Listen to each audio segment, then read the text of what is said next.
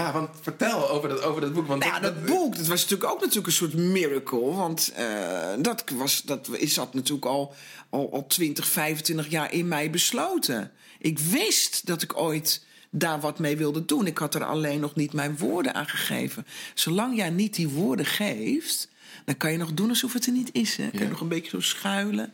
Maar als je zegt, ja, dit is eigenlijk mijn hartewens. Dit is wat ik wil doen. Dat is wat jij hebt gedaan. Ja. Heb je, heb je dat gedaan voordat je een sabbatical nam? Of heb, of heb je Daarvoor. die keus gemaakt en de sabbatical was de vorm om... Nee, nee, het was al daarvoor. Eh, en toen heb ik het echt gerealiseerd in mijn sabbatical. Etchika Voorn is talentcoach en auteur van het boek Dubbelbloed. Ze schrijft ook columns voor Opzij, Libelle en Afro Magazine.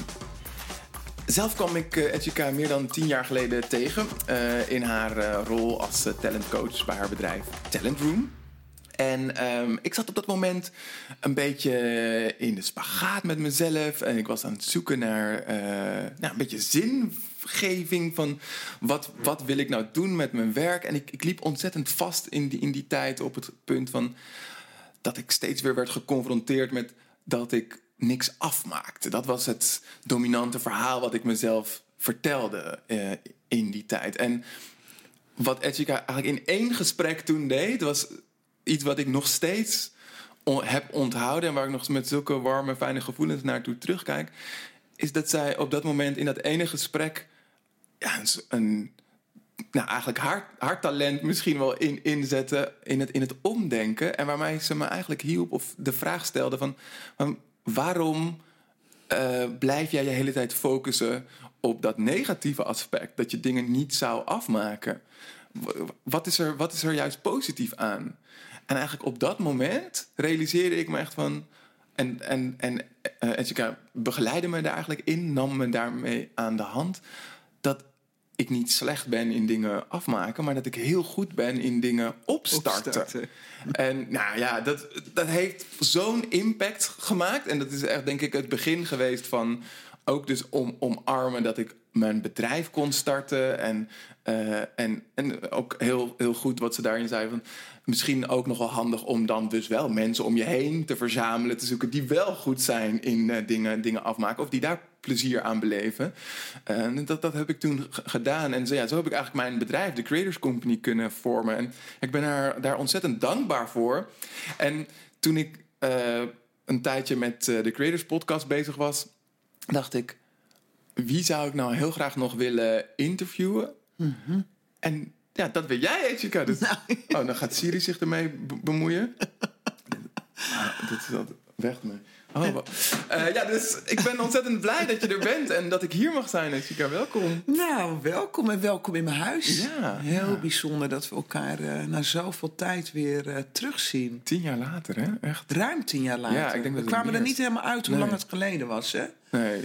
Maar ik denk dat het ruim tien jaar ja. is, ja. ja. Hoor, je dat, hoor je dat vaker? Dat, men, dat je, dat je zo'n impact maakt op mensen hun leven?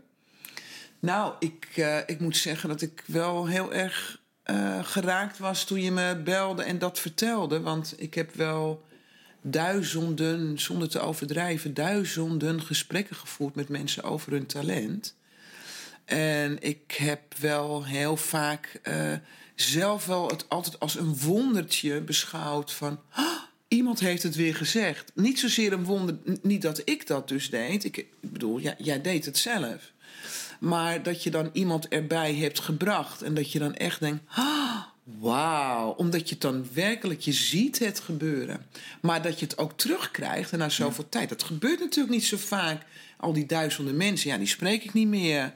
Een enkeling die me afverdet, die ik nog, ook nog wel in mijn kring heb. Uh, wat mijn leef- uh, en werkwereld is.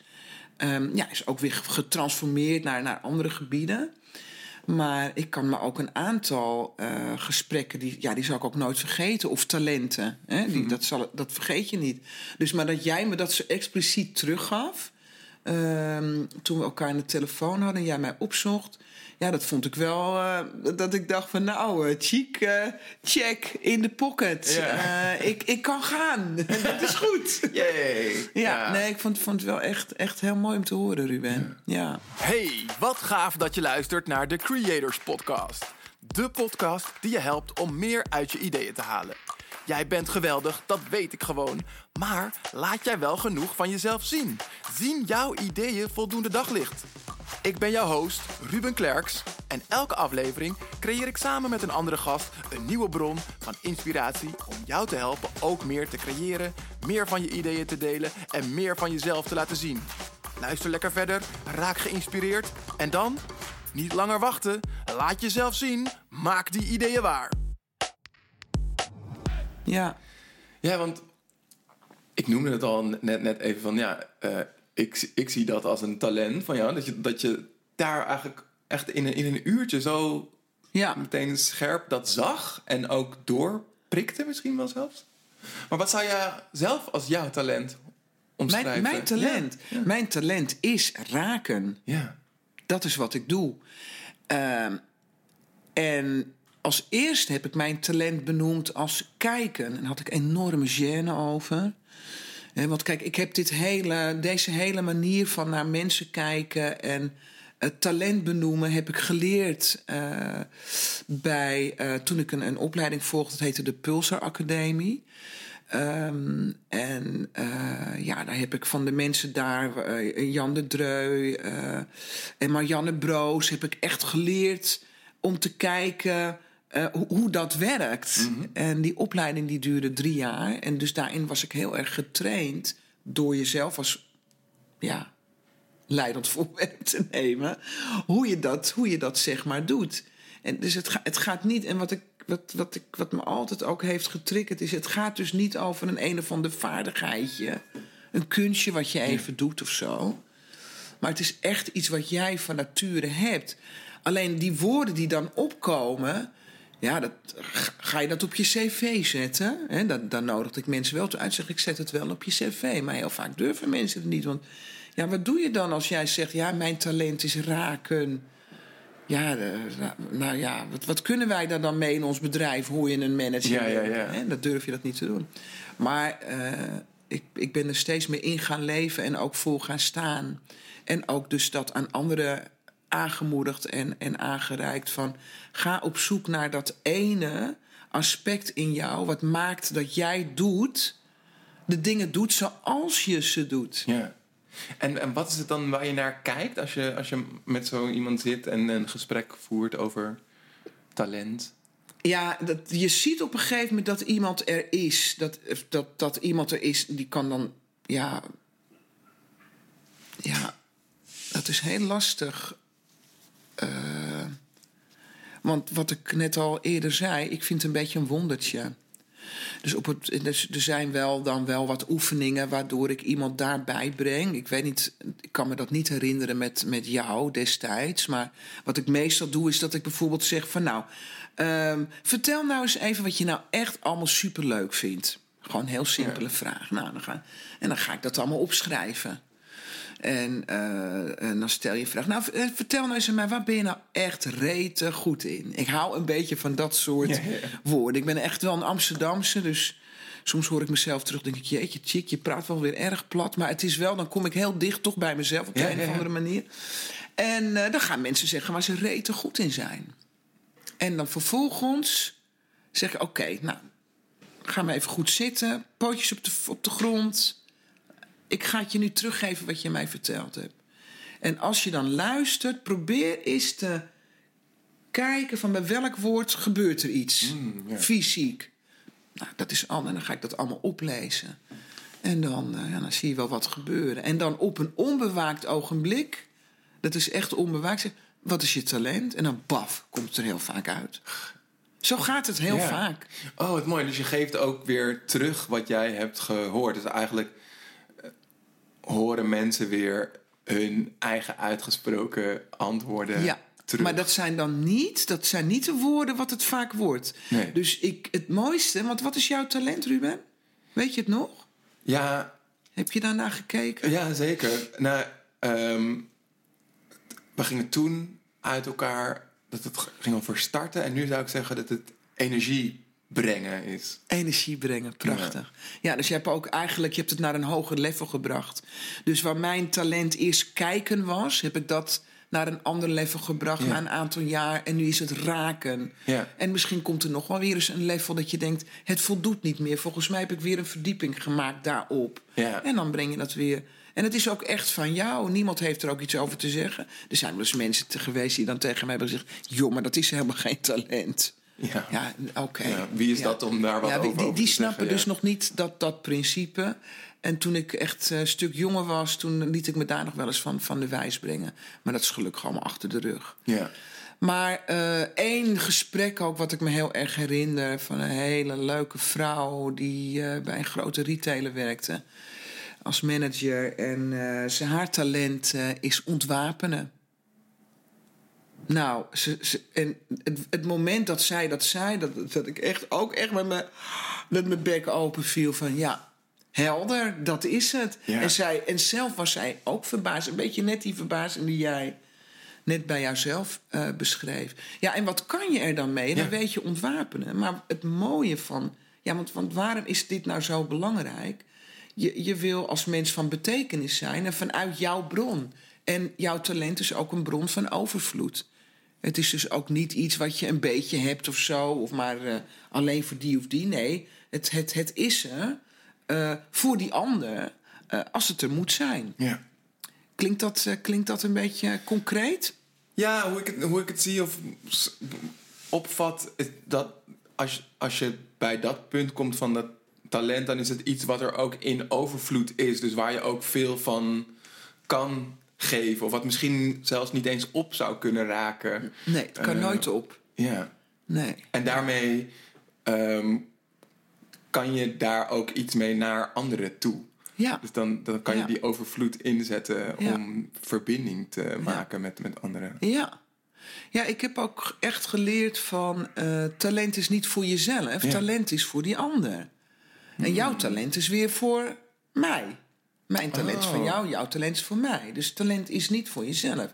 Eh, talent heeft wel zelfzorg nodig. Dus je, je, bent, je moet wel. eh, nou, het woord moet vind ik niet zo op zijn. Niet zo'n fijn woord eigenlijk, maar het is wel. eh, denk ik wel heel, heel, heel goed en wijs als je dus je talent ook wel koestert. En daar is zelfzorg een heel belangrijke key in. Ja.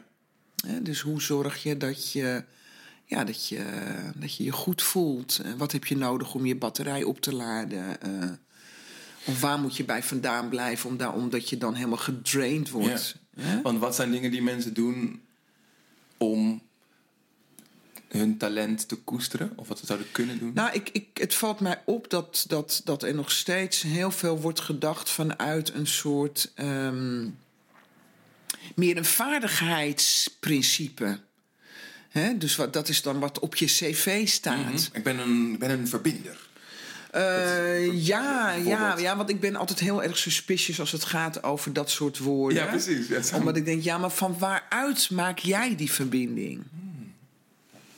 Ja, omdat verbinder eigenlijk alleen maar gaat over de tussenruimte tussen twee mensen. Ja, of meerdere. Nou, kijk, Ja. het, soms hebben mensen echt dat als talent. Die doen echt niets anders. Ze hebben het alweer gedaan voordat je het in de gaten hebt.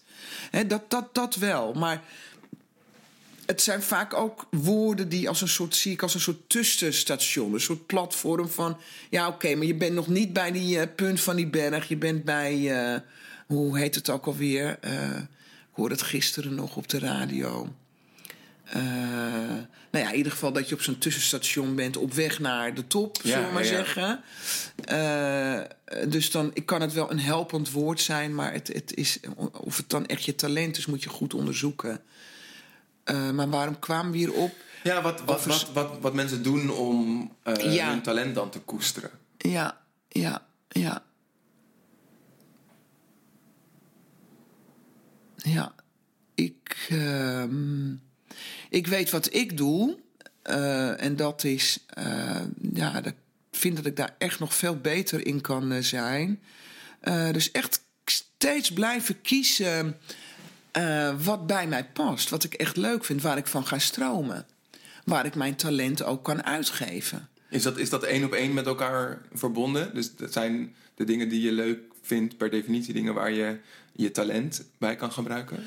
Uh, niet altijd. Hè? Dus je hebt bijvoorbeeld ook dat principe van wat is je passie? Hmm. Dat, heeft, dat heeft dan eigenlijk, eh, dat, dat is echt wel puur voor jezelf. Dat, ah, is, dus, dat, is een stukje zelfzorg. Ah, dus talent, ja.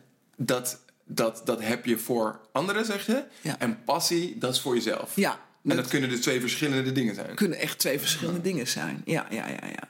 Ah, en wat, en wat... Ja, sorry, ga gewoon wel belletjes... Ja, ja, ja, eh, leuk. Ja. Want, want, want wat vind jij dan bijvoorbeeld van... Er is zo'n hele beweging die het steeds meer heeft over van... dat je van je passie je werk moet maken. Ja, dat is... Ik ken heel veel voorbeelden van mensen die dat gedaan hebben. En die uiteindelijk daar doodongelukkig van zijn geworden... omdat ze niet meer konden genieten van hun passie. Ze waren niet bezig hun talenten uit. Ja, natuurlijk waren ze ook met hun talent bezig. Maar er is een vriend van mij, uh, die ook de opleiding gedaan heeft trouwens. Uh, die uh, is muziekproducent. Of die ja, is producent en die helpt bands. Die heeft een studio om ja, hun sound helemaal geweldig te maken. Ja, het is niet mijn vak, dus ik kan daar verder niet veel over vertellen. Maar het was gewoon altijd zijn hobby, echt. Ja. En, en, maar in de laatste jaren, ik heb nu trouwens al een tijd niet gesproken, werd het een, een belasting. Want, eh, het, het, want die hobby, dat moest ook geld opleveren. Ja, ja. En er zat ook een studio aan vast en allemaal contracten en uh, weet ik van wat. En ja, dat heeft dan weinig met passie meer te maken. En dus, dat, dat, uh, dus het is niet per se gezegd dat je dus. Ik, ik, ik, ik hoor het ook wel mensen die het anders beleven. Dat kan natuurlijk. Dat ze zo blij zijn dat ze van hun passie gewoon hun werk hebben kunnen maken. Ik kan me best voorstellen, als jij zanger bent en, en je, je trekt daar volle zalen mee, dan uh, ja. Ja. Maar ja. Ja, maar het is wel echt iets anders dan talent. En is, en is talent ook iets waar je, waar je. Heel vaak als, als het gaat over talent, kijken mensen naar iets waar je dan goed in bent. Uh, maar is, hoort dat ook altijd bij, bij, bij elkaar? Ja, maar het heeft wel hele onverwachte kanten. Dus, uh, dus, als je, ik, dus kijk, als je ergens goed in bent, dan is het van: ik ben goed in het uh, bakken van een taart, ik zeg maar wat. Mm. Of uh, ik, ik, ik ben goed in, in, in mensen zich, zich thuis te laten voelen. Of, maar dat zijn allemaal aspecten die ehm, die maken dat je je talent kan uitgeven. Dus uh, als ik zeg mijn talent is raken, dan heb ik even echt iets in de ander in beweging gezet. En dat, dat, is, dat is allemaal niet zo voorbedacht te raden. Mhm. Het is wel een soort van oefening in de zin dat, je, dat, dat, dat, dat ik wel um, alert ben op. Uh, kan ik voldoende uh, van betekenis zijn? Voel ik me goed? Want ik weet als ik stroom, uh, ja, dan weet ik dat het aan het gebeuren is. Ik heb een heel mooi voorbeeld gisteren. Had ik, uh, ik zit dus nu in het onderwijs. Ik ben nu uh, docent burgerschap. Ja, ja ik, ben zo, ik ben zo blij dat je, dat, je, dat je jouw talent daarin zet. Ja, dus ik ben in een totaal andere wereld terechtgekomen. En gisteren had, had ik een hele leuke dag georganiseerd door een collega. Een burgerschapsdag. Dus met mijn collega's burgerschap. Uh, en mijn uh, opleidingsmanager en uh, nou, nog iemand uit het, uit, het, uit het beleidsmaakveld hadden we een geweldig mooie dag. En het, een, een, onderdeel van die dag was dat je ehm, aan de hand van een gedicht wat je ging schrijven elkaar beter ging leren kennen. En het was eigenlijk een soort voorgedrukt gedicht. En er stond dan bijvoorbeeld als eerste regel: Ik ben van. En dan sloeg je de papier op om. En dan stond op de achterkant uh, bijvoorbeeld uit welke familie kom je. Dus dan schreef je: Ik ben van mijn vader uh, uit Mungo en mijn moeder uit Groningen. En zo waren er veertien regels. En, er, en dat was heerlijk, want op een gegeven moment kwam ik allemaal, herinneringen boven aan, aan mijn oma van mijn moeders kant. En ja, ja, dat ik inderdaad klarinet heb gespeeld. Er kwamen allerlei, aspecten. En het was, werd, werd eigenlijk een hartstikke mooi verhaal. Nou, gingen we dat aan elkaar voorlezen. Ik was als eerste, dus ik vertel mijn verhaal. En ik zie aan mijn collega eh, naast mij dat hij, die, die, dat hij, dat hij helemaal... Hij ging allemaal vragen aan me stellen. Een soort vragenvuur. Maar eh, dat, dat was goed. En, nou, hij, ze hebben iets van mij gezien wat ze nog niet eerder hadden gezien. Ja. Je schept een beeld. Vervolgens ging hij zijn verhaal vertellen. Een Joodse man. Uh, best wel een heel uh, pittige jeugd ook gehad. Met, met ouders. En natuurlijk de tweede generatie na de oorlog. Uh, dus hij vertelt daar een aantal dingen over. En hij wordt op een gegeven moment. Hij, hij barst ook in tranen uit. dus, nou. Dus we hebben. Ja, dan heb je even een heel ander contact met elkaar. Ja. Dus, nou, dat gehad. Smiddags daarna gingen we een tochtje maken naar een museum. En daar zie ik iets in de museumshop iets liggen. Dat ik denk, oh, wat mooi. Maar het is te duur. Ik vind het nu te duur. Ik ben nu een beetje in de, in de zuinige tijd van mijn leven. ik moet allemaal nog erg wennen aan mijn nieuwe, aan mijn, aan mijn nieuwe manier van, van leven daarin. Uh, dus ik zei, oh, wat, wat, wat mooi. Kijk, daar staat het. Het is een... Uh, het, het, is, het heet Stikado, maar naar het oude Mikado. En ja. het zijn eigenlijk gewoon gekleurde stokken, maar die gewoon heel mooi decoratief kunnen staan. En je kan er een spel mee spelen. Nou, lang verhaal kort is dat aan het eind van ons uh, bezoek in dat museum, want wat dan is om te kijken hoe, wat kunnen wij weer leren aan onze studenten, wat kunnen we vanuit burgerschap uh, hier uit dit museum halen, uit al die kunst en graffiti geweldig hoor, in Almere. Wat trouwens Ellie genoemd wordt. A-L-L-Y. Ja. Dat wist ik niet, maar dat is eigenlijk echt een beetje de, de hippe naam van de graffiti scene. Uh, hoe Almere genoemd wordt. Nou, had ik ook weer dan wat oh, geleerd. Ellie is, Ellie, Ellie is, is Almere. Almere. Ja, mooi hè? Ja. En, uh, en toen kreeg ik het cadeau van hem. Ik dacht echt maar, huh? Hè? Wat? Ja, precies dat, hè? En toen zei hij, je hebt me zo uh, geraakt met je verhaal. En uh, ik, ik wilde het gewoon aan je geven. Wauw. Nou, ik had helemaal zoiets van...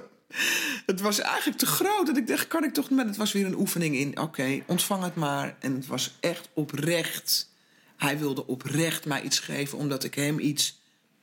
Niet, ja, voor hem iets gegeven had. En, en dat is wat raken doet. Ja, ja dat, dat klinkt ook als...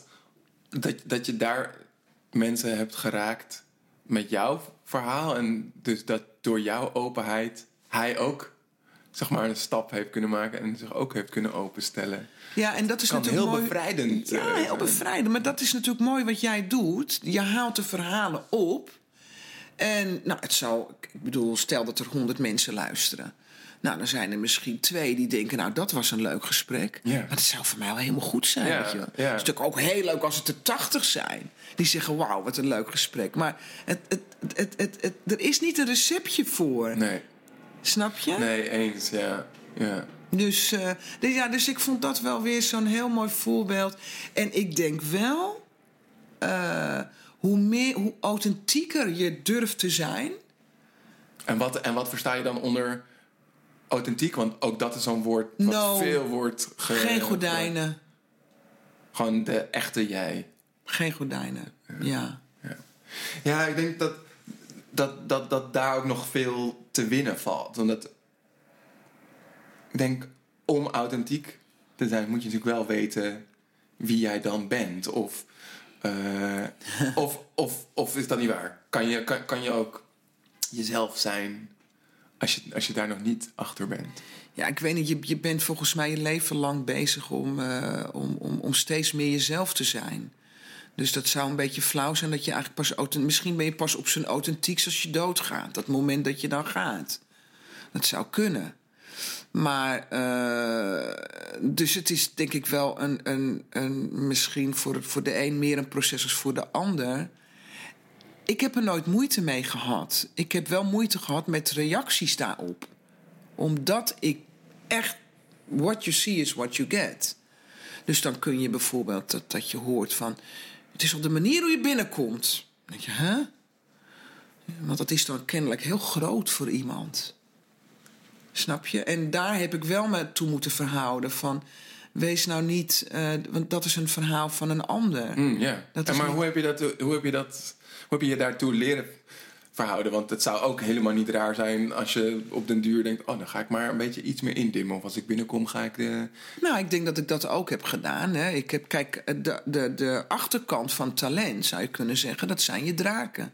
Dat is de schaduwkant. Dus talent is de lichtkant. Maar je kleine, je, kleine wijfie, wat in mij zit, ja, dat, is, dat kan ook een hele donkere kant hebben. Ik kan het niet, ik ben niks waard, zie je wel. eh, eh, ik word niet gewild, al dat soort stemmen, die, die kennen we ook. Die heeft iedereen. Ja. En dat, dat vind ik het mooie van dat. Nadat ik die opleiding heb, ik ben daar zo dankbaar voor dat ik, dat ik dat heb kunnen doen. Omdat ik daardoor ook geleerd heb, iedereen heeft het. Iedereen heeft een lichtkant, iedereen heeft een schaduwkant. Ook koningin Maxima, ook mijn buurvrouw, ook mijn kind, ook mijn vrienden. Iedereen heeft het. En het is even van, eh, kan, ik, kan ik daarmee eh, in ieder geval eh, zorgen dat ik zelf helemaal uit de verf kom? Ja. Hè? En helpen de ander ook helemaal uit de verf te Ja. laten komen. Ja, het klinkt ook als een hele bevrijdende manier van kijken naar mensen, als ik het zo hoor. Maar als, als je dus altijd, als je, als je dat in je achterhoofd hebt, dat, dat iedereen zo'n lichtkant en een schaduwkant heeft, dan, Ja. dan kan ik me dus ook voorstellen dat je anders naar mensen kan kijken. Omdat je, ik zou me dan de vraag kunnen stellen, kijk ik nu naar iemand zijn lichtkant of naar zijn schaduwkant, of waar zit ik op Ja. het Ja. Spectrum? Ja. Maar ja, wat je natuurlijk nodig hebt, is, is een, een, een soort eh, heel scherp bewustzijn erop. En, en ja, en dat is wel, kijk, eh, een vriendin van me die, ehm, en dat is eh, Marjan Broos, en die, ja, ja, zij, zij, zij, zij, zij kan over dit aspect nog veel, ook heel veel vertellen, laat ik het zo zeggen. Hoorde je wat ik deed? Ja, je ging eh, jezelf down eh playen. Ja. Zij, zij, Zij- zij, zij, kan het weer, maar je hebt, je, je hebt het doorgehad. Ja, ja, ja, ja. Want weer mijn lieve Mirjam, vriendin.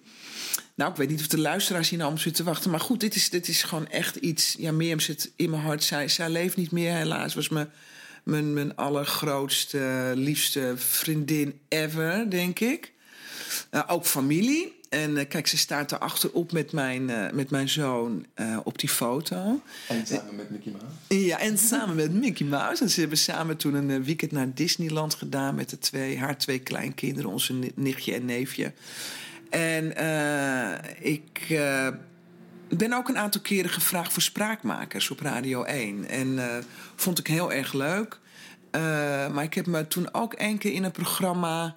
Eh, dat mij wat dingen gevraagd werden. En dat ik kennelijk dusdanig geantwoord heb. dat ik me ook zelf downsized, zou ik maar zeggen. En zij zei tegen mij: Mirjam. Nooit meer doen, hè, chica. Niet meer klein maken. Nooit meer jezelf klein maken. En ik hoor dan haar stem en dat, die hoorde ik net al. Dan denk ik, oh nee, nee, nee, nee, nee, nee. Eh, Mooi dat je, Nee, nee, dat je het zei in Ja. relatie tot Mirjam. Dus, ehm, eh, dus Marjan weet er ook heel veel eh, van. Maar nou ben ik vergeten wat ik wilde zeggen. Over dat talent. Oh ja, dat ging over onbewustzijn. Dus het is wel, hoe meer je hiervan weet... je wordt ook een beetje eenzamer. Oh, in wat voor zin? Omdat er heel veel onbewustzijn is. Dus er is heel veel onvermogen, heel veel onbewustzijn. Dus dat wil niet zeggen dat ik beter ben dan een ander. Totaal niet. Eh, maar maar, maar het, het kost wel eh, steeds eh, overbruggingskracht. Of hè, van weten dat, dat, ja, dat jij een bepaalde kennis hebt die je leeft, die een ander ja, op op, ja, niet leeft. En je kan niet allemaal hetzelfde leven, zo bedoel ik het niet. Maar eh, je voelt ook als je in, in, in een environment bent dat er dat bewustzijn wel is. Want, wat, want wat, wat doet het bijvoorbeeld met jou als je inderdaad in een omgeving bent... waar de mensen dus niet bewust zijn van hun talent of... eh, Nou, ik ga aan op wat, kan ik, wat heb ik hier te doen. Dus dat is heel goed. Ja. Dat heb ik dus op school met mijn studenten. Die kan ik daarop op aanzetten. En dat is natuurlijk heel. eh, hoop. Dat, die studenten zijn voor mij één grote berg hoop. Daar zit de hoop. Zij gaan het gewoon doen. Dat zeg ik ook vaak tegen ze. Jullie zijn het. Jullie gaan het echt doen. Jullie gaan echt dingen veranderen. Ik geloof, ik geloof heel erg in deze generatie. Ik, ik, al, die, al die uitspraken van verloren generatie en zo. Mijn god zegt, zou je maar gezegd worden. Stel je voor dat je zo opgroeit. Nee, dus dat is één berg hoop. Maar uh, als ik dan, uh, ja. Uh, in, in, in, in, in, in, in, in, ja. In kleinere kringen of, of. Kijk, in de kroeg hoef ik natuurlijk dat niet te verwachten. Uh, nou, soms kan je nog tot hele mooie gesprekken komen. Maar ja, gewoon hoe, hoe er dan een, een, een wereldbeeld beeld, uh, is. Hoe zal ik dat nou. Oh, lastig. Want, want je, je vervalt voor je het weten ook een beetje in, uh, in een soort oordeel of zo voor de ander. En dat, dat, dat, dat wil ik niet. Maar het is, er is wel heel veel schaduw. Als, laten we zeggen, het hele Oekraïne-oorlog, wat afschuwelijk en verschrikkelijk is. Maar wat ook verschrikkelijk is, was dat meteen het racisme boven kwam drijven. In onze samenleving, ook in de Oekraïne. Mm -hmm. Uh, mensen die uitgesloten werden, die niet op de trein of met de bus mee mochten. Uh, vanuit Oekraïne. Uh, hier mensen allemaal met oh, wijd open armen staan. Terwijl, ja, ik weet niet, maar het is nog niet zo lang geleden dat er Syriërs totaal eigenlijk geweigerd werden. Want oeh. Ja. En die mensen hadden, het, hadden en hebben het ook verschrikkelijk slecht. en ik ben echt niet roomser aan de paus, want ja, ik bedoel ik doe er actief erg weinig in. Dus ik heb sowieso bewondering voor iedereen die zijn hart openstelt en ook echt praktisch iets doet. Dat vind ik eigenlijk ja. wel. Maar dan heb je het over, dan zie je dus zo'n schaduwkant ja, van dan zie ik echt mensen of de maatschappij actief. Ja, dan zie ik angst en geen liefde. Ja. En uh, er is een heel mooi, mooie stroof uit een gedicht van Rumi. Uh, wat zegt van, uh, waar, waar, liefde is, is geen plaats voor angst is geen ruimte voor angst. Ja. Dat is echt zo. Dus dat, dat vind ik schaduw. En daarin zie ik een soort van on, on, onbewuste golven in de maatschappij. Van, dat, dat gaat ook daarover. Ja. Over, over het racisme wat, wat, er, wat er is. Dat ja, misschien ook wel. En, dat, en het handelen vanuit die schaduw. Dus op zich dat er angst ja. is, is, is niet erg. Maar als je dan uit die angst gaat handelen en hele systemen gaat opzetten. Ja, dus dat er niet het bewustzijn is van hé, hey, ik zit in mijn angst. Ja, ja. ja. Maar dat het dus als een soort van waarheid wordt. Ja. Ja. Ja, ja angst is daar natuurlijk een van de krachtigste ja, negatieve drijfveren eigenlijk... Waar, waar onze maatschappij misschien wel ja. langzamerhand op aan het bouwen is. Ja. Als je ziet dat onze politieke partijen ronselen hun stemmen op basis van, Ja. van angst. De producten worden verkocht op basis van de Angst. om er niet bij te horen als jij dat product niet hebt. En Ja. Het is natuurlijk een heel krachtige manier. Dus het is eigenlijk zonde. Dus je zou eigenlijk dan liever willen kijken naar daartegenover, vanuit dat licht, vanuit liefde. Hoe zou je. Ja, zou maar ja, angst is ook wel weer, dat heeft ook een goede kant hoor.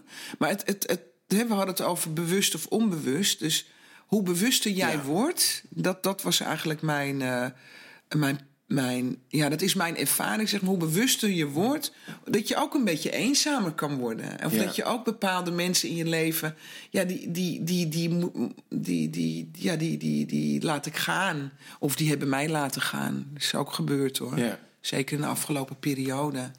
Heb je, heb je daar een voorbeeld van? Nou, liever niet natuurlijk met name, maar Oh, nee, dat- eh, dat, dat niet. Maar eh, kijk, ik, ik, ik, ik heb een, echt in een shock geleefd... omdat na 22 jaar mijn partner zei... ik ga. En die had ik even niet zien aankomen. En mijn lieve vriendin Mirjam, die werd ziek en die ging ook in een half jaar. En mijn oudste neef Henk, Surinaamse neef Henk, die staat daar op de foto naast mijn zoon toen hij klein was. Die is ook gegaan. Dus in een half jaar tijd eh, zijn er drie stomfutu gegaan.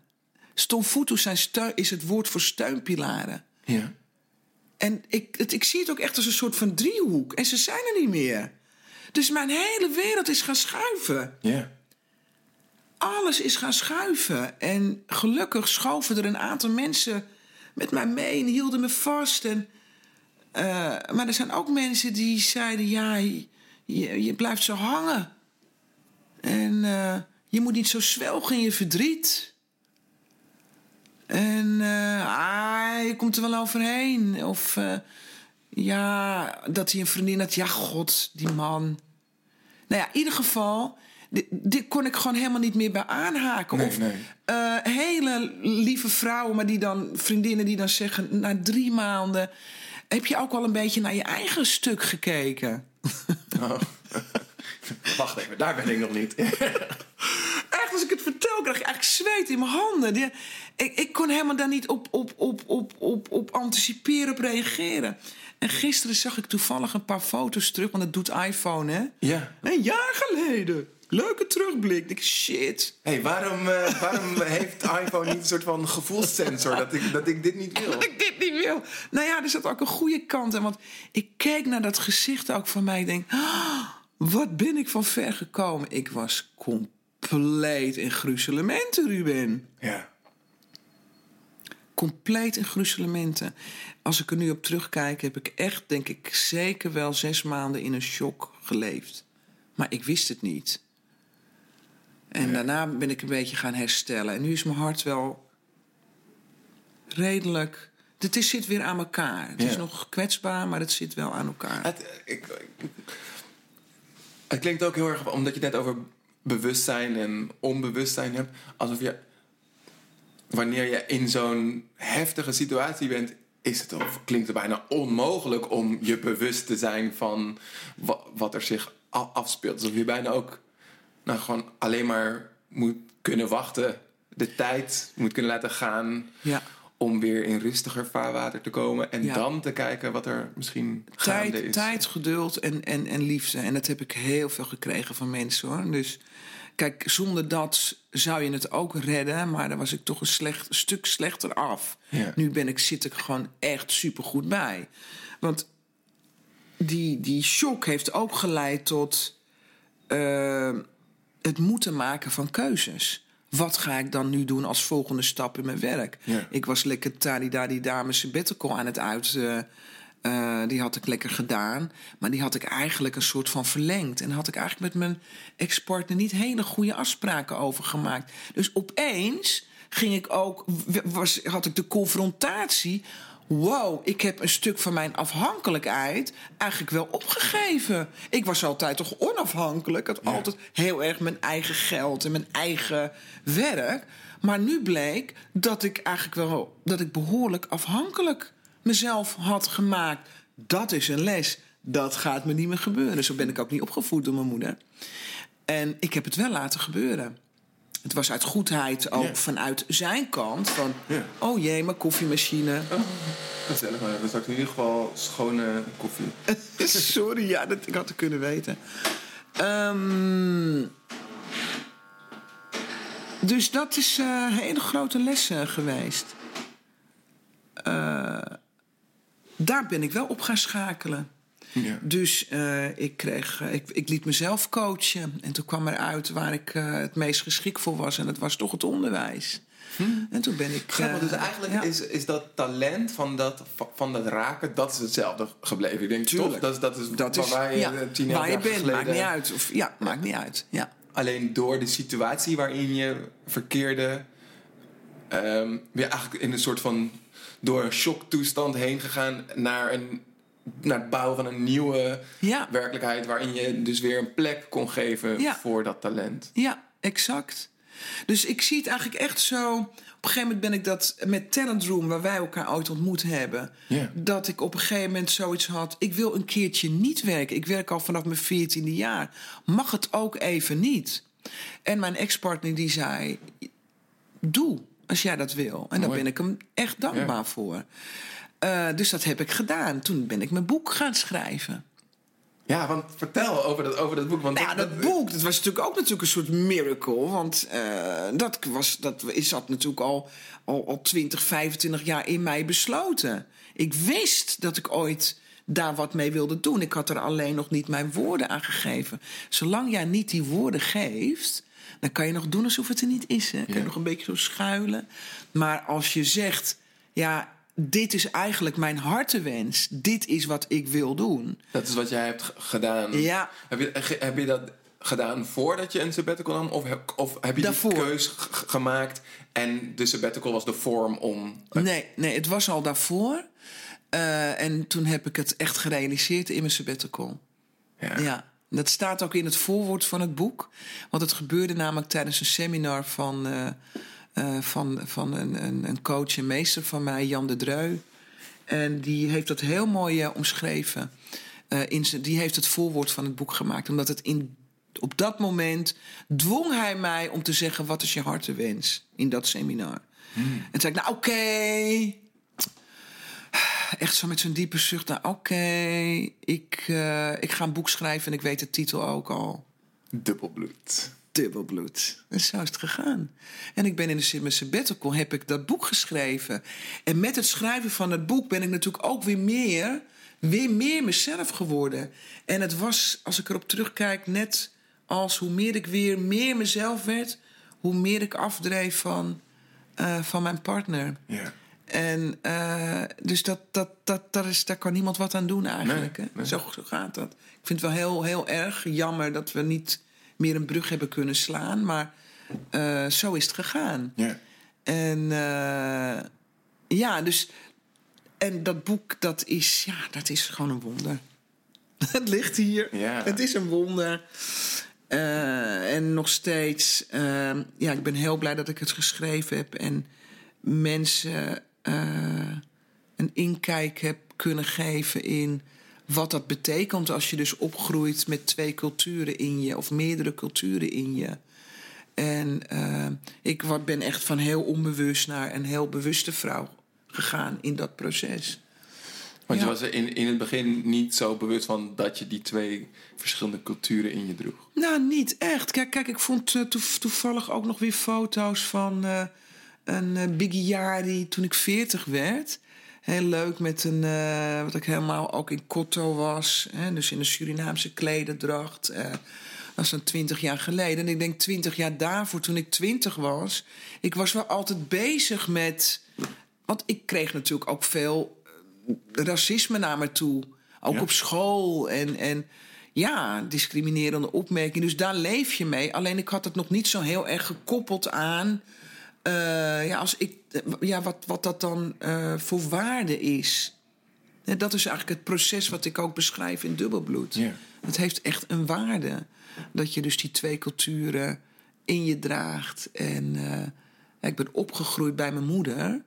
Ehm, die trouwens eh, heel goed Surinaams kookte en eh, Surinaams sprak. En ik heb ook echt met terugwerkende kracht gezien dat ze wel degelijk ook mij af en toe boeken gaf. En, eh, maar ja, Want je moeder... mijn moeder is Nederlands.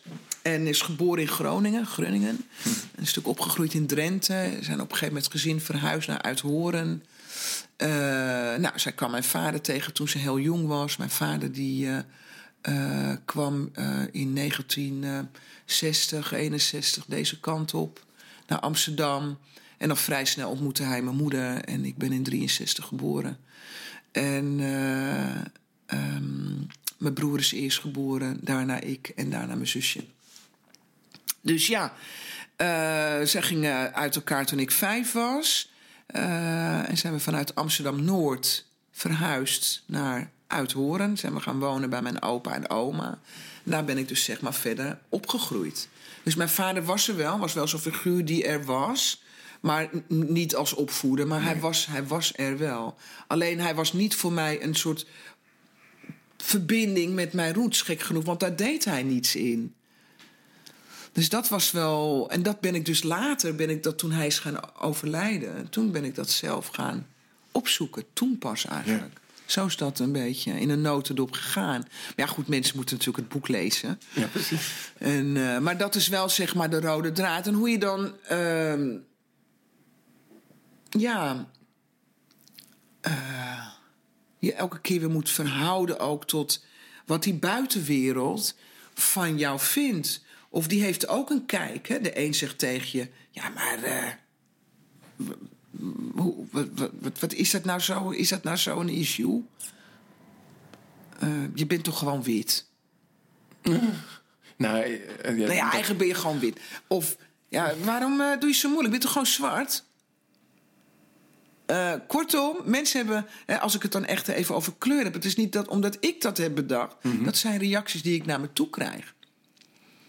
En nu merk ik dat sinds het boek uit is, bijna niemand zegt meer halfbloed. Halfbloed is echt een soort iets van, nou, dat zeg je niet meer. Dubbelbloed, dus dat vind ik wel heel leuk. Ja, ik vind dat ook een prachtige omdenking, inderdaad. En ook wat het impliceert als je zegt halfbloed. Dus Ja. dat, je, dat je niet compleet bent. Ja. Een dubbel. Ja, Je bent gewoon ja het dubbel. komt natuurlijk ook echt uit de koloniale tijd. Hè? De halfbloedjes. Vroeger werd ik altijd halfbloedje genoemd. En ik voel, ik voel dat het in mijn buik vindt niet leuk, maar ik wist ook niet iets anders. Ja. Hè? Totdat een neef tegen mij zei: "Eh, Chica, niks halfbloed, je bent dubbelbloed. en toen wist ik: ooit ga ik een boek schrijven. Met die, eh, met die titel. En kijk, en ook als je de connotatie hebt met halfbloed. en je, je, je weet steeds meer van de koloniale tijd. Eh, wat vrouwen, dat vrouwen natuurlijk aan de lopende band verkracht werden. Eh, dat daar ook kinderen van kwamen. En dat, ja, dat waren de halfbreeds. hè, de halfbloeds, de halfbloedjes. Ehm, en die waren, dat waren ook de lichtere kinderen. Dus die hadden dan vaak ook nog eens een soort van eh, andere positie. Ja, eh, ik kan er allemaal niks aan doen. Maar dat is dus ook iets wat, wat ik natuurlijk ook altijd wel een soort van gevoeld heb. Ook, ook, eh, ik ben heel erg welkom in mijn familie, heb ik niet het idee van. Maar ik was wel. eh, er waren wel dingen dat is een, een, een nicht zei in het Surinaams tegen een andere nicht: waarom ga je zoveel met haar om? Zeker omdat ze zo licht is. Dat is mijn familie. Ja. Dus dat soort dingen heb ik wel meegemaakt ook, ja. Maar ik denk dat daar is... Dus ik denk dat ik wel ook aan veel mensen wel... ook dat, dat daarin bewustzijn heb gebracht. Ja. Dat vind ik wel heel tof. Mooi, ja. En nu moeten gewoon alle kinderen het op die middelbare... dus ook mag geen kinderen zeggen, studenten. Mijn Van studenten... wie mag je geen kinderen zeggen? Van de studenten niet. Het zijn geen kinderen, het zijn studenten. Oh, oké, ja. Ja, ja, hallo. Ze zijn wel 16, 17, 18. Ze zijn geen kinderen meer aan wie ik les geef. en... eh, Want wij moeten dit ook allemaal lezen. ja, ja, ja, ja. want, ja, wa- ja. Want, want wat zouden zij eruit kunnen halen? Eh, ik denk dat het eye-openers geeft over dat ehm, er meer, eh, dat je zelf meer vooroordelen hebt dan je denkt. Hè? Eh, dus het is niet een boek met een wijzend vingertje, verre van dat. Het is een boek vol met humor en ik vertel gewoon mijn eigen verhaal. Eh, maar ik denk wel dat, dat, dat het je, dat hoop ik ook, dat je denkt: oh, dat heb ik ook wel eens meegemaakt. Of dat heb ik, hoe heb ik dat nou eigenlijk ook wel eens gezegd? Of eh, dat. Ehm, dus eye-openers en daardoor eh, ja, misschien bewust te zijn ook over je eigen vooroordelen. Maar ook aan de andere kant hè, mensen die dus ook een dubbele achtergrond hebben, zoals jij, hè, Kaapverdiaans, Nederlands. eh, dat je dat, dat is goud. Het is echt goud. Het is niet zomaar een dingetje. Het is niet, oh ja, oh ja, nee, ik zie er zo uit, want ja, mijn vader is Kaapverdiaans. Ja, god, oké, hè, ja, hè, die, dat, dat doet verder niet zo mee. Het doet wel mee. Het, zit, het zijn. eh, het is allemaal gewoon geschiedenis wat jij, wat jij in je hebt aan, aan twee kanten. En, en dat negeren, dat, dat, ehm, dat doe je jezelf geen, geen recht. En ik heb van heel veel mensen gehoord die dubbelbloed hebben. Ik, ik herkende zoveel. En oh, zie je wel, ik ben niet gek. Oh ja, zie je wel. Oh, dus jij had dat ook. Ja, ja. Dus er zit ook een helende eh, factor in. En eh, er is zelfs een keer een eh, hele talkshow in de Rode Hoed. Er was in no time uitverkocht. Geloof 400, 500 mensen. Overdrijf ik dat? Nee, ik geloof niet dat ik dat overdrijf. Eh, alleen maar over dubbelbloed. Dat kwam omdat ik de talkshow daarvoor was ik er. En toen was ik eigenlijk heel pissig geworden. Omdat ehm, degene die op het toneel stond, een, een actrice...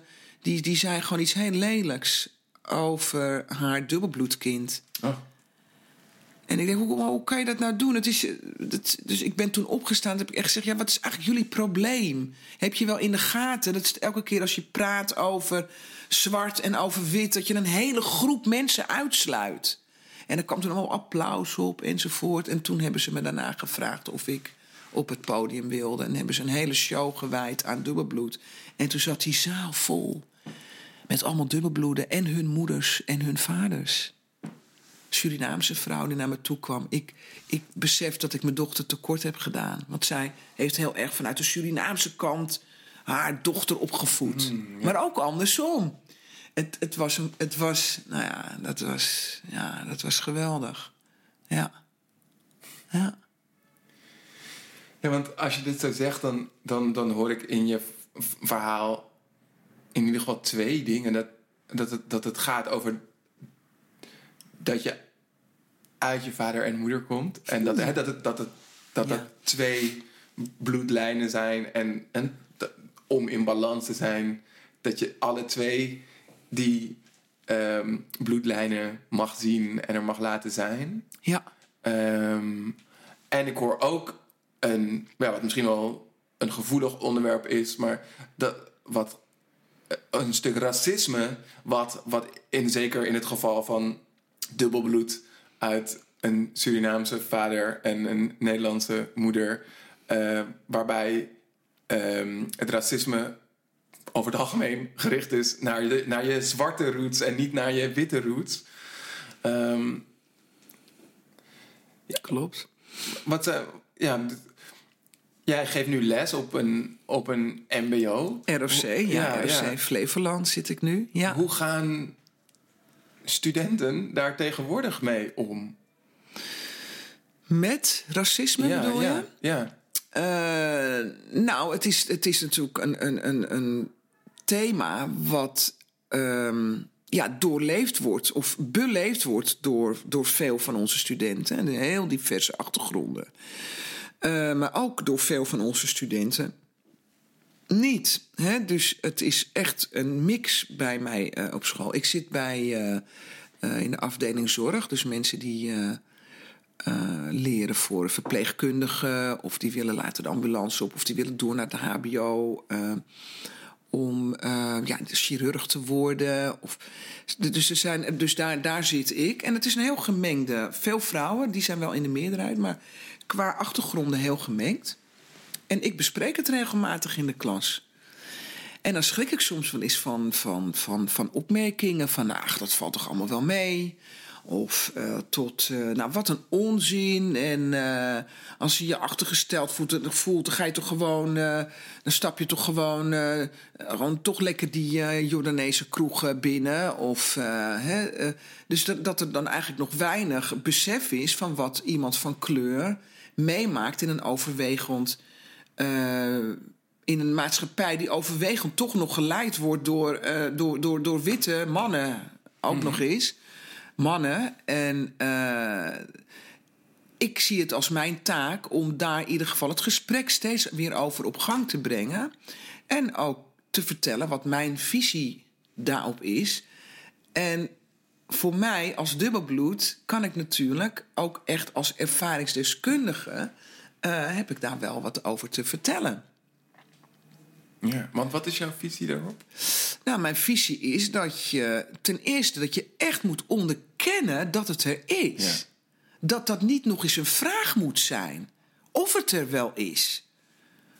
Ik weet niet of je de Belastingdienst laatst gehoord had. Dat denk ik zo, zo, poe, poe. Nou, nou, ja, ja, nee, inderdaad. Nou, ze hadden gezegd dat het inderdaad zo is dat, eh, dat, dat je kan spreken van institutioneel racisme. Omdat ze jarenlang structureel natuurlijk Ja. mensen op basis van hun afkomst hebben. eh, ja, uitges ge- ja, beticht hebben van fraude met alle ellende van, eh, van dien tot en met kinderen die uit huis geplaatst zijn. Allemaal diepe, diepe sporen. Die, die, die, dat gaat nog een generatie duren voordat die mensen überhaupt weer overheen zijn. Ja. En dan komt dan schoorvoetend uit van dat ze ja inderdaad heel onbewust eh, eh, gediscrimineerd hebben. Heel onbewust, let op, heel onbewust. Dat komt omdat er een systeem is waarbinnen dat geaccepteerd, genormaliseerd is. Het is zo genormaliseerd ja, dat ze het dus niet door hadden. Waar ik wel hier en daar mijn vraagtekens bij zet, maar goed. Dus ik leg de studenten uit. eh, het gaat hier niet over of je ergens schuld aan hebt. Het gaat erom dat je erkent inderdaad dat dat er is door te luisteren naar de verhalen van je medeklasgenoten. Luister eens naar. Nou, en dan vertelt er bijvoorbeeld een, uh, een, jongen dat hij altijd als hij de bus instapt, uh, ziet dat mensen hun tas dichter bij hun uh, heup doen. Ja. Dat hem dat pijn doet. Of een meisje die vertelt altijd als ik met mijn vriendinnen ga shoppen. Dan, dan zie ik die beveiligers al. oh, drie Surinaamse meiden dat ze voelt het gewoon. Weet je? Ze voelt het, ze ziet het. En, ik, en daar kan je rustig op vertrouwen dat dat zo is. Hoezo ga je dan zeggen, ja joh, maar iemand wil misschien gewoon ruimte voor je maken? Of ja, maar die beveiliger doet gewoon zijn werk. Oh ja, doet hij dat ook als er drie uh, blonde meisjes binnenkomen? Ja. dus, dat ik bewust, dus zonder van uh, het is iemands schuld, wees je bewust. Dan kun je gaan luisteren naar elkaar en dan kun je in ieder geval zorgen dat je ook zelf goed bij jezelf nagaat van hé, hey, wat, uh, waar, waarom plaats ik die in dat hokje? Ik ben daar zelf ook niet vrij van. Nee. Absoluut niet. Nee, maar ik vind, het wel, ik vind het wel goed dat je dat ook aanstipt. Van, dat is eigenlijk een manier van echt naar elkaar luisteren. En, um, en, en, en echt luisteren is niet alleen maar aanhoren. Nee. Um, ik vond dat ook zo pijnlijk in bijvoorbeeld de hele Zwarte Pieten discussie. Dan, voor mij ging het helemaal niet over of Zwarte Piet nou wel of niet racisme is. Uh, maar over dat er een groep mensen is die aangeeft dat ze zich gekwetst voelen door een fenomeen wat we met z'n allen vieren. Uh, ja. En dat daar vervolgens keihard overheen wordt gewalst. En dat die mensen weg worden gezet van. En ja, Ja. dat. Dat, was, dat, dat, Dat is pijnlijk. ja, dat is heel pijnlijk. En, en dat plus de erkenning dat het racisme is. En dat, dat was natuurlijk heel pijnlijk. Want dan, opeens dachten alle, alle Nederlanders die helemaal gek zijn van Zwarte Piet. Ik bedoel, ik ben ook opgevoed met Zwarte Piet. Ik heb Zwarte Piet gespeeld als kind toen ik en- 13 ik was. ook, ja. Echt waar. Ik ging Ja. gewoon langs de deur.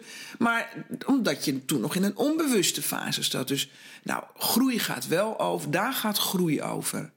Je wil toch groeien als mens. Nou, nou, niet elk mens wil dat. Maar eh, zo sta ik wel in het leven. Ik wil groeien. En dat, dat, en dat gaat met pijn gepaard. Het is niet mogelijk om te groeien zonder pijn. Jij hebt twee kleine kinderen. Let op, zij gaan nog heel veel pijn, fysieke pijn krijgen. Het zijn ook nog jongens. Jongens die, die, die gaan met die scheuten omhoog op een gegeven moment. En dan krijgen ze, nou je bent zelf een jongen, dus dan krijg je van die pijn in je Ja, benen. ja. Heeft mijn zoon zo vaak over geklaagd. Niks aan. De groei gaat gepaard met pijn. Het is niet anders. Dus het is pijn om iets los te laten waar je gek op bent. En Ja. een soort van veiligheid, eh, ideeën, herinneringen. Dat, dat is allemaal te begrijpen. Maar erken dat het racisme is. Dat is natuurlijk inmiddels wel op grote schaal. Ja. Veel grotere schaal gebeurd. Dus het, het loont ook om ergens voor te staan. En dat geef ik ook mijn studenten mee. Sta, sta, sta voor de dingen die jij belangrijk vindt. Dat, dat probeer ik ook te doen. Ja. En dat is ook pijn, want ja, het heeft me dus kennelijk eh, mijn, mijn dubbelbloedavontuur. ik denk wel zeker dat het ook bijgedragen heeft aan de breuk met, eh, eh, met toch een, een hele grote liefde. Ja. En toch heeft het meer gebracht. Wauw. Ik vind het echt prachtig om te horen wat je de afgelopen tien jaar hebt gedaan en doorgemaakt in een, in een, in een uurtje. Maar ik weet, we- we- het doet nooit eer aan je volledige verhaal. Maar ik, ik ben heel, heel blij om te horen wat jij met jouw talent hebt gedaan. En Ja. eh, ook nog aan het doen bent. Ja, Dus, eh, zeker. Ja, dat, dat... Ik probeer wel eens ook studenten te vertellen over dit talentverhaal. Dat is, daar moet ik echt nog wel nog veel meer naar kijken. Van hoe ga ik dat brengen op dat eh, leeftijdsniveau? Dat weet ik nog niet, hoe ik dat moet doen. Want het, het, zij vinden dat allemaal nog een beetje te vaag. S- Het is allemaal nog een beetje van, eh, nou, dus dat, dat is nog wel een, een, een, een eh, daar, daar ligt nog een opdracht van hoe ga ik dat stuk concretiseren. Want ik, ik denk als je dat echt meeneemt, weet je, dat je weet van, oh, dit is mijn klompje goud. Ja. En daar ga ik mee de wereld in. Als ik jou zo hoor, dan kan ik me niet anders voorstellen dan dat als jij voor de klas staat, in de klas staat, dat je, dat je heel je hebben en houden meeneemt. En dat, dat studenten jou ervaren als de volledige Echika. Dat, dat is volgens mij de kracht van een Ja. docent. Dat ik, dat, dat ik weet naar wie ik luister of naar wie Ja. ik kijk. Eh. En, en ja, dus dat je ook... el- Volgens mij ben je elke dag bezig om ook een bepaalde vorm van openheid en daarmee kwetsbaarheid neer te leggen. Oh jee, nou. Dat, eh, Kijk, ik zeg ook altijd, ik ben nu namelijk ook. Ik, ik heb geen onderwijsbevoegdheid, hè, dus ik, ik volg nu ook een opleiding. Ja. Hè, dus eh, ik ben zijinstromer. En ehm, zoals dat zo mooi eh, heet. Dus het betekent dat, je, dat ze gebruik maken van mensen uit de praktijk. Nou goed, ik ben ondernemer, schrijver, coach. Dus dat willen ze dan heel graag in het MBO hebben. Dus kun je als zijinstromer eh het onderwijs in. Maar ik heb eh, niet een onderwijsbevoegdheid. Dus dan, eh, en als je geen afgeronde HBO-opleiding hebt, dan moet je dat gaan halen. Dus ik ben ook nog eens een opleiding begonnen in maart. Duurt 18 Wow. maanden.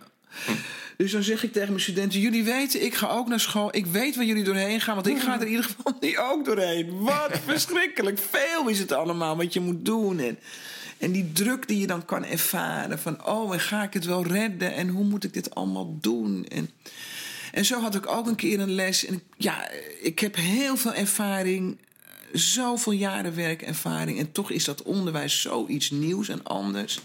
Je moet, je moet toch een les hebben, je moet je lessen voorbereiden.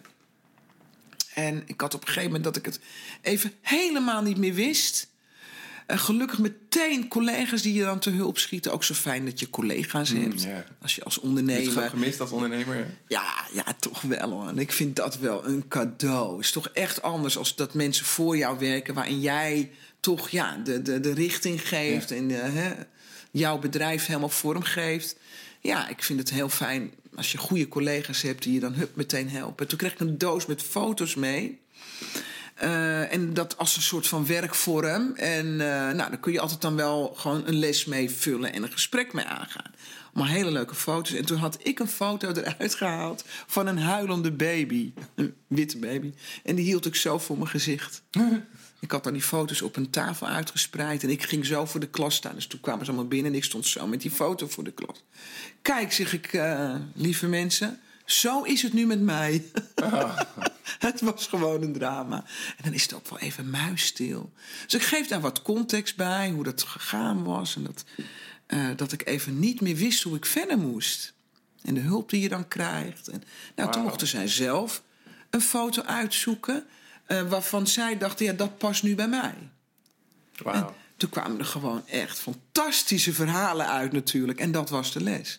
Weet je wel? Ja. Oh, ik ben, ik ben zo blij om te horen dat eh, eh, onze studenten jouw eh, talent mee mogen maken. Ja, ja, ja. en, eh, en dat je, ik ben ervan overtuigd dat je ook daar weer mensen gaat raken en ja. Zoveel invloed. eh, Nou, en wat ik dus super, dat wil ik echt nog vertellen, want dat, dat, dat komt daar ook uit voort. Dat ik dus samen met ehm, Maria Karg, zij heeft een stichting, dat heet Stichting Stil Verleden. eh, hebben we een eh, lesprogramma gemaakt bij de tentoonstelling van Anton de Kom. Want dat is natuurlijk ook iets, een boek, hè, Zo, ja. wat elke student zou moeten lezen, of in ieder geval zou moeten weten dat dat boek er is. Anton de Kom, dat beroemde boek Wij slaven van Suriname. Eh, dat is, is zo indrukwekkend. En er is nu een tentoonstelling in het Openluchtmuseum Arnhem. Oh, dat wist ik helemaal niet. Oh, dat is echt prachtig. Dat, dat kan je, moet je echt bezoeken, die eh, tentoonstelling. Hij loopt nog eh, twee jaar, dus hij is net geopend in eind maart. En wij hebben een lesprogramma voor het MBO gemaakt. Dus al mijn studenten van het ROC Flevoland... die mochten als eerste eh, een, een selectie daarvan mocht, eh, meedoen aan het lesprogramma als test. We gaan volgende week nog weer een test doen met een andere school. En eh, dan zie je dus ook dat je ook op die manier echt impact kan creëren. Door ook kennis echt mee te geven. Dat die koloniale geschiedenis niet iets is van vroeger, maar echt verbonden is met vandaag. Nu. Met ons allemaal. Ja. Het is niet mijn geschiedenis, het is allemaal onze geschiedenis. Ja. Nou, En dat, dat vond ik wel. Ja, dat is daar dus ook uit voortgekomen. Dus ik kan het eigenlijk zelf ook niet bevatten wat je in anderhalf jaar. eh, wat voor transformatiekracht. m, Veel, heel veel pijn, maar wat daar toch allemaal ook voor goede dingen uh, ja, teweeg brengt eigenlijk. Mooi. Dankjewel, Ejika. Heel graag gedaan, Ja. ja. Superleuk met jou te praten. ja, ik vond het ook ge- geweldig. Leuk om, je, om jou weer te zien en te Ja. spreken. Dank je. Wil je nou verder praten en in actie komen over dit onderwerp? Ga dan naar onze website creatorscompany.nl en sluit je aan bij de Creators Community. In de volgende aflevering spreek ik met Nicolaas Tuin, muzikaal spreker, over de kracht van muziek en stilte. Tot de volgende Creators Podcast.